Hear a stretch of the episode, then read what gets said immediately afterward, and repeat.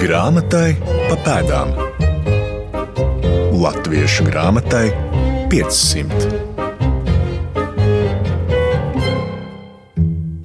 Esiet sveicināti! Mans vārds Laima Slava, un šodien raidījumā izzināsim latviešu laicīgās rakstītās dzejas sākumu. Čikuļa jēkabs būs mūsu uzmanības centrā, dēvēts par latviešu pirmo dzinieku dzīvojis Blomē, bijis audējs un hernhūtietis, piedalījies lielajos 1776. un 77. gada vidzemes dzimtļaužu nemieros. Čikuļa jēkaba nozīme palīdzēs izzināt Latvijas Nacionālās bibliotēkas direktors Andris Vilks un Latvijas Nacionālās bibliotēkas vadošā pētniece Beata Paškēvica. Grāmatai pa pēdām. Par ķikuļa jēkaba dzīvi un darbību saglabājies mazliecību. Tomēr zināms, ka bijis saimnieka vecākais dēls Smiltenes draugs Blomu mūžas ķikulī, aprecējis sievu ģedu, un viņiem bijuši četri bērni. Andris Vilks daudzkārt apmeklējis ķikuļa jēkaba dzimto pusi, pētījis un iepazinis to, tāpēc zina stāstīt. Tajā mājā, kur ir ķikuļa jēkabs dzimis, tur Diemžēl vairs nav saglabājies tāds ļoti interesants uh, akmens, ko pēc visas spriežot ir uh, iekalis uh, viņa brālis Ančs, Tikuļa Ančs. Bet kaut kā pēdējos gados ir noticis tā, ka tādas pārvērtības tajā apkārtnē, ka vairs neatrodas tas akmens. Viņš nebija liels, viņš bija pavisam maziņš, un tāpēc droši vien ir jāizzudībās. Bet, ja par to tieši par to blomas pusi runā, tad ir ļoti svarīgi tas, ka vēl aizvien ir sajiešanas nams, kas darbojās arī Blomē. Viņš ir citā vietā, tā, tas nav tur, kur ir tikuļi dzimuši, bet um, tas sajiešanas nams saucās Riņģi. Un tas reģiona nams aizvien vēl pastāv un darbojās. Tur ir dievkalpojumi, noteikti, nu nevis dievkalpojumi, precīzāk būtu teikt, svētrīti, svētbrīži. Tur ir ļoti jauki vietējie cilvēki, kas arī par to draugu mēģina uzturēt. Un, un tā, tā kā tas labs piedzīvojums, labs pārdzīvojums. Hernhūtiešiem vidzemes pusē Alleša bijusi svarīga loma. Ar brāļu draugiem te saistītas tādas vietas kā Trikāta, Rauna, Plāņa, arī Smiltene. Un Jēkabs bijis aktīvs brāļu draugs loceklis, viens no brāļu draugu literātiem. Viņš bija aktīvs Hernhūtietis, bet viņa brālis Anšs bija pat kaut kāds vadītājs. Un, Viņam bija uh, darīšanas arī Rīgā ar Jānu Steinhaueru, ja, kur mēs arī tūlīņās pat arī pieminēsim. Un katrā ziņā tā bija tāda ļoti interesanta arī izpausme, kas varbūt par kuru mazāk runā. Tas bija tie labie kontakti, komunikācijas, kas bija izveidojušās viņu starpā un uh, starp Rīgas senhotiešiem un, un Midzemes senhotiešiem bija labi kontakti. Viņi pie tam ir tādas zeķes arī kā Anšara. Ar Steinhaueru arī bijuši ir Hanhūtē viesojušies.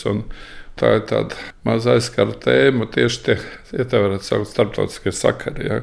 Jo tie bija faktiski pirmie latvieši, kuriem radās šīs starptautiskās saites ar, ar ārpasauli. Ja? Pirms tam latvieši nu, tomēr tā īsti nekur netika ne uz ārzemēm, ne kontaktos ar ārzemniekiem. Jā, jo, nu, kāds mūžs kalps aizbrauc līdz kādam mužniekam uz Eiropu, jā, nu, tas arī ir augstākais, kas varēja būt.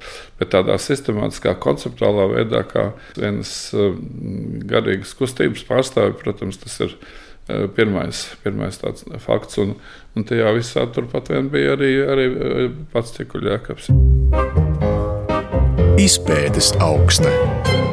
Cik izglītots un zinošs bijis ķikuļa jēkabs, liecina vieni dokumenti, kas atrasti, arī vēstulis, ko rakstījis, un no tām varam secināt. Pirmkārt, viņš prata vācu valodu, kas jau nebija maz. Otrakārt, viņš zināja etiķetes, raksta teiksim, šo vēstuļu priekšvārdus, kur bija franciski kaut kas jāuzraksta, kur bija vāciski. Viņš to arī pārzināja. Viņš pārzināja lietvedību, kāda bija teiksim, tā pārvalde no, no apakšas, no pagasta līdz ķēzarienai. Viņš to labi pārzināja.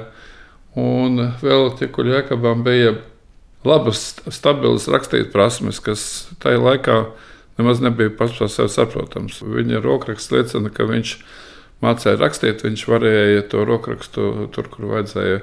Vāciskos tekstus tur viņš rakstīja kā vāciešu rakstu, bet tajā balkāņu un latviešu viņš veidoja tādu jau stabilu hanhūtiešu vidē, jau izkoptu arī rakstu. Ja.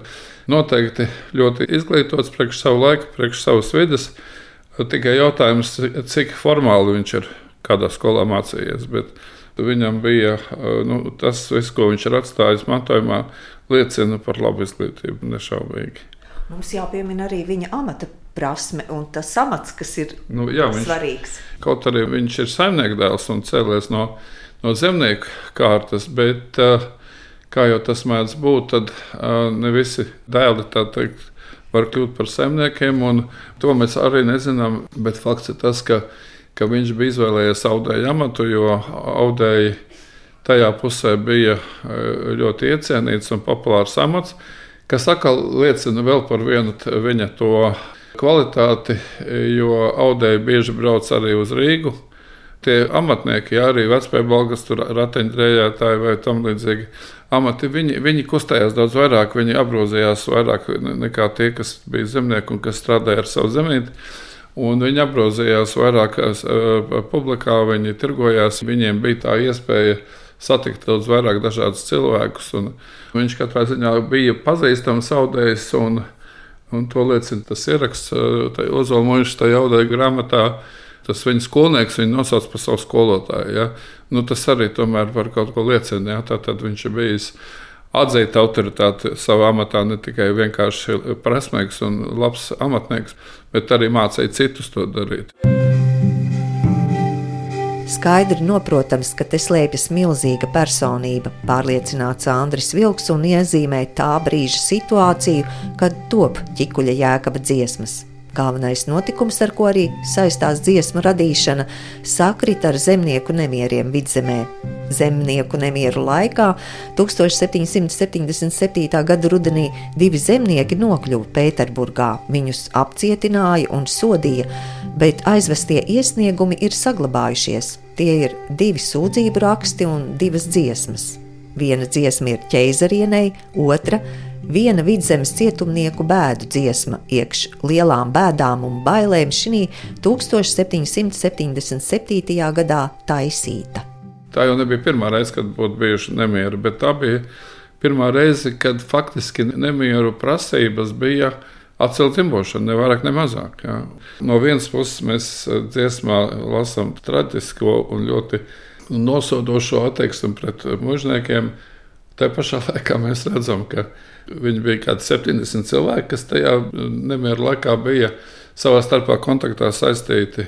Un viņi taču divas reizes ir sameta naudas tam sūdzību rakstīšanai un sūtīšanai uz Pēterburgu. Ja? Un viņi sūtīja arī, arī divus puikas aizsūtīja uz Pēterburgu. Ja? Tas nevar būt uz līdzekļu pēdējā izsīkuma robežas.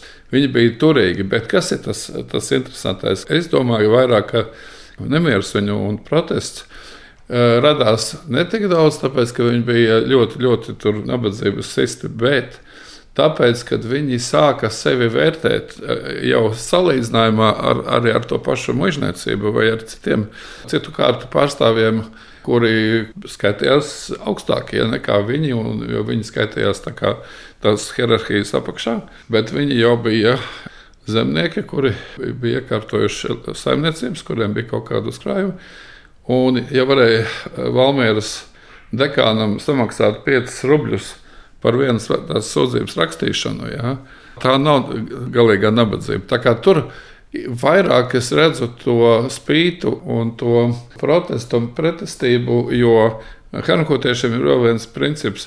Tā ir, mēs visi esam šai pasaulē vienādi. Mēs, mēs esam Dievu priekšā vienādi tad mēs esam līdzīgi. Neatkarīgi no tā, vai mēs esam mužnieki vai kas. Ja? Tas, protams, bija ļoti, tā laika izpratnē, ļoti ķecerīgi, bet brāļa draugu kustība uz to pastāvēja. Un līdz ar to tas ir, manuprāt, vēl daudz svarīgāks cēlonis visiem tiem procesiem, kas arī izskaidro to Tikuļa Jēkaba iesaistīšanos visā šajā notikumā, jo, jo viņš noteikti bija tajā stāvoklī, kādam nebija kā pamats, liels pamats, teiksim, rīkot protestus un, un cīnīties par savu eksistenci. Jā, viņš bija nodrošināts. Viņam nebaidzēja to. Jā. Tā tad viņam bija pilnīgi cita motīva. Viņš gribēja tātad ar saviem karakotiešu brāļiem, gribēja kopīgi iestāties par kaut kādu lietu. Viņš solidarizējās ar viņiem, un kā beigās mēs redzēsim, Jēkabs solidarizējās ar nemierniekiem. Kā viņam tas beidzās, drīz vien uzzināsiet, bet vispirms ielūkosimies viņa sacerētajās dziesmās. Kā ir ar to rokrakstu, tātad ar šo dzīslu uh, darba rokrakstu, kur tas uh, atradās un kā to atrada? To atrada vēsturnieks Tepermans 58. gadā Krievijas arhīvā, un te var redzēt arī faksimilu. Tas ir oriģinālais rokraksts, kas šajā arhīvā arī ir saglabājies. Viss tas ir viņa roceņu, ir sarakstīts. Un, Un tā slavenākā ir tā viena vidzemnieka cietumnieka bēdu dziesma, kas ir tas mākslinieciski visvērtīgākā nu, no, no literatūras viedokļa daļa, kas ļauj viņu uzskatīt par, par pirmo latviešu dzinieku. Kaut arī dažas frāzes, kaut kur kāds jau bija agrāk, arī nav jau tā, ka viņš bija uzreiz pilnīgi eksakts pirmais. Nu, bija tur arī kādas pantiņas, kādas rindiņas, bija kāds jau uzrakstījis arī ātrāk. Bet, Teiksim, es, es ļoti balstos uz savu kolēģi un priekšnieku Aleksu Apēnu, kurš ir visu mūžu veltījis, lai izpētītu šo. Arī šo ne tikai brāļu draugu kustību kopumā, bet arī atsevišķos šos darbus. Viņa atzinums ir, ka, ja, ja runājam par literatūras kvalitātēm, valodas kvalitātēm, tad, tad šis ir galvas tiesas arī nozīmīgāks, no augstvērtīgāks darbs par, par citiem, kas ir saglabājušies, kaut kur vēl ir atrodami. Padomju laikā iznākušajā grāmatā Čikuļa jēkabs dziesmas varam aplūkot rokrakstu un līdzās transkripciju, mūsdienu ortogrāfiju. Sakopot arī nedaudzie pārējie viņa sacerējumi, vēstule un divas zemnieku sūdzības, dziesmas rakstītas burtnīcā uz iezilgana papīra, sūdzības uz parastām lapām. Viena vidzemes cietumnieku bēdu dziesma ir mākslinieciski vērtīgākā, kas ļauj ķikuļa jēkabu uzskatīt par pirmo latviešu dzinieku. Un vēl svarīgi piebilst, ka dziesmas nekad nav publicētas grāmatā un necirkulēja sabiedrībā. Grāmatai pa pēdām. Arī Latvijas Nacionālās bibliotēkas vadošā pētniece Beata Paškevica paņēmusi līdzi 1982. gada izdevniecībā liesmu drukāto grāmatu. Protams, dzējas darbs ir pats būtiskākais, pats svarīgākais, bet mums ir arī ļoti skaists izdevums, jau iznācis padomu laikā. Protams, nav brīnums, jo runa ir par dzimtļaudīm, par viņu sacelšanos, bet tas jau ir arī pārlaicīgs fenomens, tas nav saistāms tieši ar padomi režīmu. Nu, protams, ideoloģiski savā ziņā, jā, bet šī grāmata ir iznākusi 1982. gadā, un tas ir plašāks Alekseja Apīņa pētījums, liels atklājums, kurš ir noticis Maskavas arhīvā, ir atrasta Kikuļa jēkaba žēlabu dziesma un ir arī atrastas vēstules, tātad šo uh, zemnieku protesta vēstules uh, Krievijas valdībai.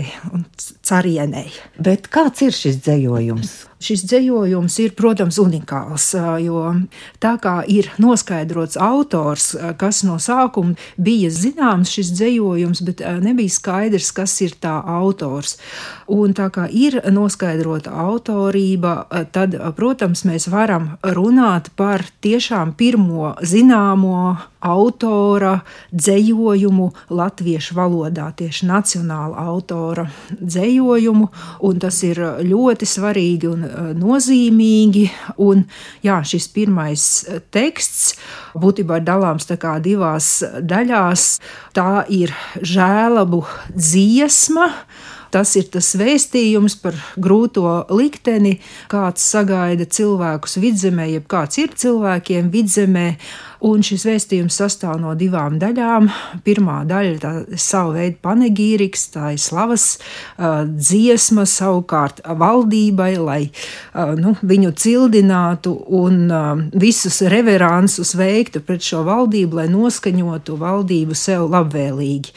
Un, protams, ka pirmā daļa ir krasā pretrunā ar to, kas ir otrajā daļā, jo otrajā daļā ir stāstīts par visām tām briesmām un šausmām, kādas ir jāpiedzīvo cilvēkiem vidzemē, kuri ļoti, ļoti smagi strādā, bet neseņem par savu darbu pelnīto, bet gan tikai nopēlumu un vēl smagākus darbi tiek uzlikti. Atklājam tekstus! un mūsu sievas, mūsu mazi bērni top muižā bluķos gauži vārdzināti. Un grūtas sievas, saime, mazi bērni, tie visi raud un kauts kā kādi jēri. Tās asaras, kas šeit tiek izraudātas no veciem līdz tiem maziem pupa bērniem, caur to tiek mūsu mazi pupa bērni ar sāpju un bēdu pienu ēdināti, un ar tie, kas vēl guļ iekš mātes miesām, tās bēdas dabū sajūt no šām tiesām. Tad ļoti emocionāls vēstījums, ļoti spēcīgs vēstījums, kas arī liecina par to, ka ķīkuļa jēkabs acīm redzot, tomēr ir nu, bijis pazīstams ar šādu raudu dziesmu tradīciju, bet, protams, tas ir arī nu, droši vien oriģināli dzējojums pielicis arī uh, satura ziņā no savas ikdienas dzīves, no novērojumiem, kā arī mēs zinām no vēstures, arī viņa sieva tajā laikā gaidīja bērniņu. Arī tik personisks aspekts mums jāpaturprātā. Lai arī par raudu dziesmu tradīciju vidzemē nekas nav zināms, dzējojumos par kāru un kara postījumiem bieži sastopams mātes, sievas motīvs, Visas kara šausmas ir šajos dzējojumos, norāda Beata Paškēvica. Šī tradīcija ir arī Eiropas tradīcija, bet, protams, kā šī tradīcija ir nonākusi līdz šim latviešu eh, zemniekam, tas nu, šobrīd ir tāds neliels noslēpums bet domājams, ka ar laiku varbūt to var izstrādāt un um, pamēģināt saprast. Nu jā, un ļoti interesanti, ka piemēram Herdera tautas dziesmās, kuras iznāk burtiski gadu pēc šiem nežēlīgajiem, asiņainajiem vidzemes nemieru notikumiem, arī Herders iekļauj savu tautas dziesmu krājumā igauņu dzimtļaužu žēlabu dziesmu par tirāniem. Šajā žēlubu dziesmā, nu, tas ir Herdera dots nosaukums, šajā žēlubu dziesmā um, mēs arī redzam līdzīgus motīvus par meitām, par māsām, par sievām, kuras nežēlīgos dzīves apstākļos ir spiestas visu atdot vāciešiem. Vācieši tur tiek salīdzināti ar melniem suņiem un ar raibiem suņiem ļoti spēcīgi vārdi, bet jā, arī ļoti tēlaini vārdi. Tā kā mēs redzam, ka teiksim, vidzemē, ja, kur mēs varam, protams, arī pieskaitīt Igaunijas daļu, kaut kur šī tradīcija ir zināma bijusi, ir klejojusi no teksta uz tekstu, un tas ir tikai neliels mazumiņš, kas mums ir saglabājies līdz mūsdienām. Atgriežoties pie ķīkuļa jēkaba, cik garš tad ir šis dziedājums? Jā, dziedājums ir gana garš. Tajā žēlabu daļā ir 36 panti, un slavinājumu daļā mums ir deviņi panti, vismaz tāds ir uh, sadalījums rokrakstā.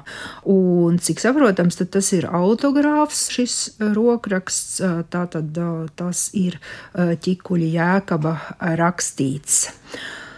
Un vēl uh, protams, ir zināmas šai sakarā arī zemnieku vēstules, kuri ir rakstījuši sūdzību augstākajai varai par saviem kungiem. Un arī e, šīs vēstules ir ķikuļjēkaba rokrakstā. Tā kā jā, interesanti, ka tas ir tāds tekstu kopums, kuri paskaidro viens otru no tādas prozas, no vēstules žanra. Mēs pārējām uz dzēju, uz poēziju, un arī var teikt otrādi. Tā kā mums ir tāds vesels kopums, laikmeta dokuments, kurš ir mūsu acu priekšā. Valoda ir uh, izkopta, cik, uh, protams, mēs tagad varam spriest 21. gadsimtā par 18. gadsimta oriģinālu latviešu valodu, jo, kā mēs zinām, mums ir šī veclatviešu rakstu valoda, kuru piekopj uh, mācītāji, un viņi ir sveštautieši, bet šeit rakstītājs ir latviešu zemnieks. Viņš lieto arī dažus reģionālus vārdus, bet tad, kā raksta Aleksis Apīns, arī pāriet uz tādu nu, vispār saprotamāku latviešu valodu un cenšas ļoti izteikties skaidri. Tas viņam, protams, arī ir nenoliedzami izdevies, ja mēs varam lasīt to arī šodien. Bet, protams, ir zināmas gan pieraksta īpatnības, gan arī īpatnēji vārdi.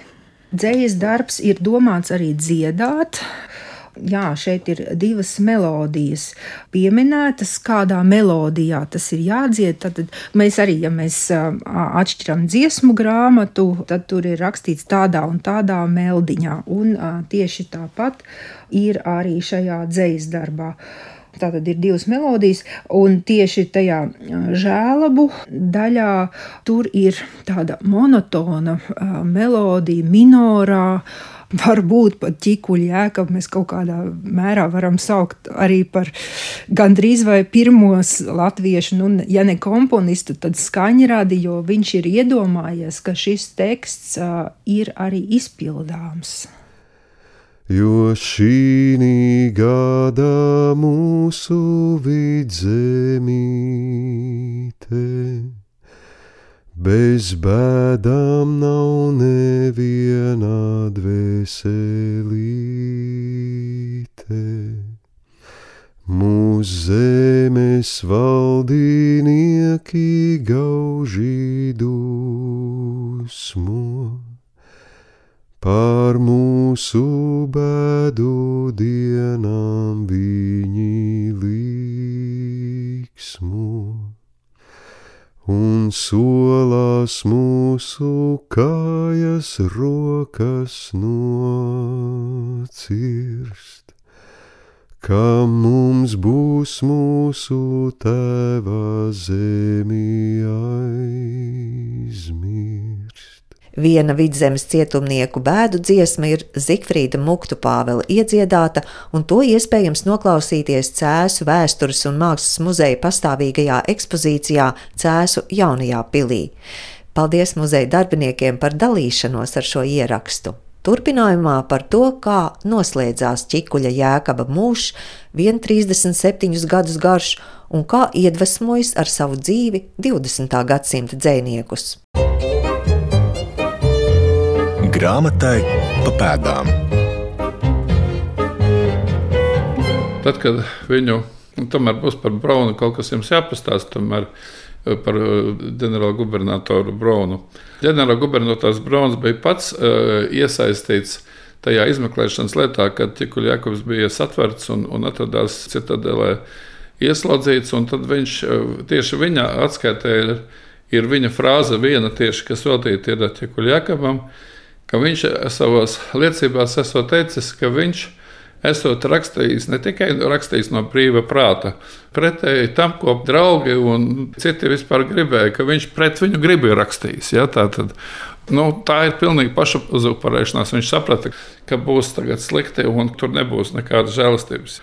No nu, tās pilsētas, un viņš vienīgais nu, arī tika, tika nomocīts. Viņš faktiski upurēja sevi, Un tas arī ļoti dziļi e, aiziet atpakaļ vēsturē par Husītu kustību, jo Jans Huss arī upurējās kāpjot tajā ugunsārtā. Ja, un, un vispār Jana Hussa e, tēls kanikotiešiem ir centrālais viens no galvenajiem. Ja, teiksim, tas bija tāds etalons, tāds paraugs dzīvē, ja, pēc kura vadījās.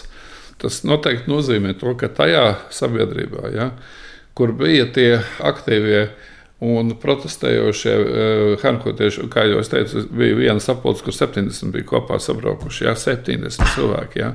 Tas nozīmē, ka tā bija nu, ļoti ietekmīga sabiedrība, ļoti ietekmīgi cilvēki tajā savā laikā, savā vidē. Viņi bija noteikti ļoti ietekmīgi un, un bija drosmīgie soļi, lai aizgādātu pie pašas tēzerenes, tas, to, to vēstījumu un to dzēju. Un arī tas, ka Tikuļa Jakobs uzskatīja, ka viņam jāizpaužās ir dzīslas formā, ja, ka viņam ir tam jābūt ir literāram darbam. Ja, jo tur jau bija tās vēstules, kurās viss bija aprakstīts. No Andra Vilka uzzinu, ka dzinieks Ulris Bērziņš kopš 70. gadiem interesējies par ķikuļa jēkabu. Viņu saistīja personas brīvības ideja. Iedvesmojies un tapis dzējojums sapnis iekš austuvis. Paša dzinieka balsī to neatrodu, ieskatam Eduarda Liniņa lasīts fragments. Sapnis iekš austuves. Idille. Aizmidzis biju brāļi turpat pie aužamiem stāviem.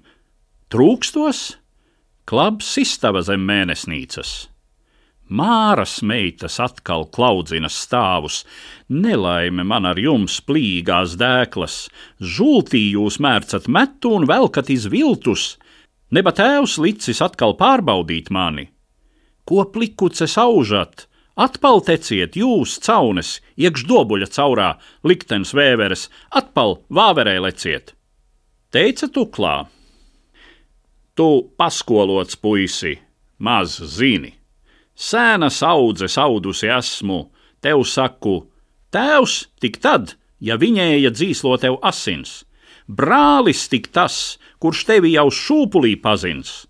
Sen svešiem nodevuši jūs i tēvu, i brāli, tāpat jūsus rīt nodos. Solāt visu pasauli, mīlēt iekšā Jēzus. Tas meli, pazīstu audu. Es aužu naudu, es naidu, es aužu varu, metinu viltu, mana drāna pasauli notur, Rīgas kungi no baznīcas nākuši tūliņ man klanās. Ilgi vēl muldēja tuklā, kas to visu lai atceras, brāļi. Šodien daudzkārt pieminētajā grāmatā publicēta arī grāmatniecības vēsturnieka Alekseja Apīņa apcere, ko mēs zinām par latviešu pirmo dzinieku. Turpina Andris Vilks, kurš savulaik strādājis kopā ar Apīni. Tur nav neviena nodeva padomju sistēmai, padomju režīmam. Šī grāmata, viņa kā stāv, Viņa ir lasāma, viņa ir atkal izdodama. Viņa tur nekāda, jo vienmēr jau bija jāatsaucas uz kaut kādiem kongresiem, uz kaut kādu jā, jāpacitē, tur kaut kāds tur Leņķins vai Engels bija jāpacitē, vai vēl kaut kas bija, jā, lai, teiksim, dabūtu cauri to savu tekstu. Šeit nav neviena vārda jāpieņems, ne par ko nekam tam līdzīgam nepiekrīt. Jā. Viņš bija ļoti, ļoti konsekvents. Vēl Andris Vilks atceras gadījumu, kad esot kopā ar Alekseju Apīni klausījušies ķikuļa jēkaba dziesmas toreiz Aivara Krānsmaņa izpildījumā. Apīnis bija aizkustināts līdz asarām.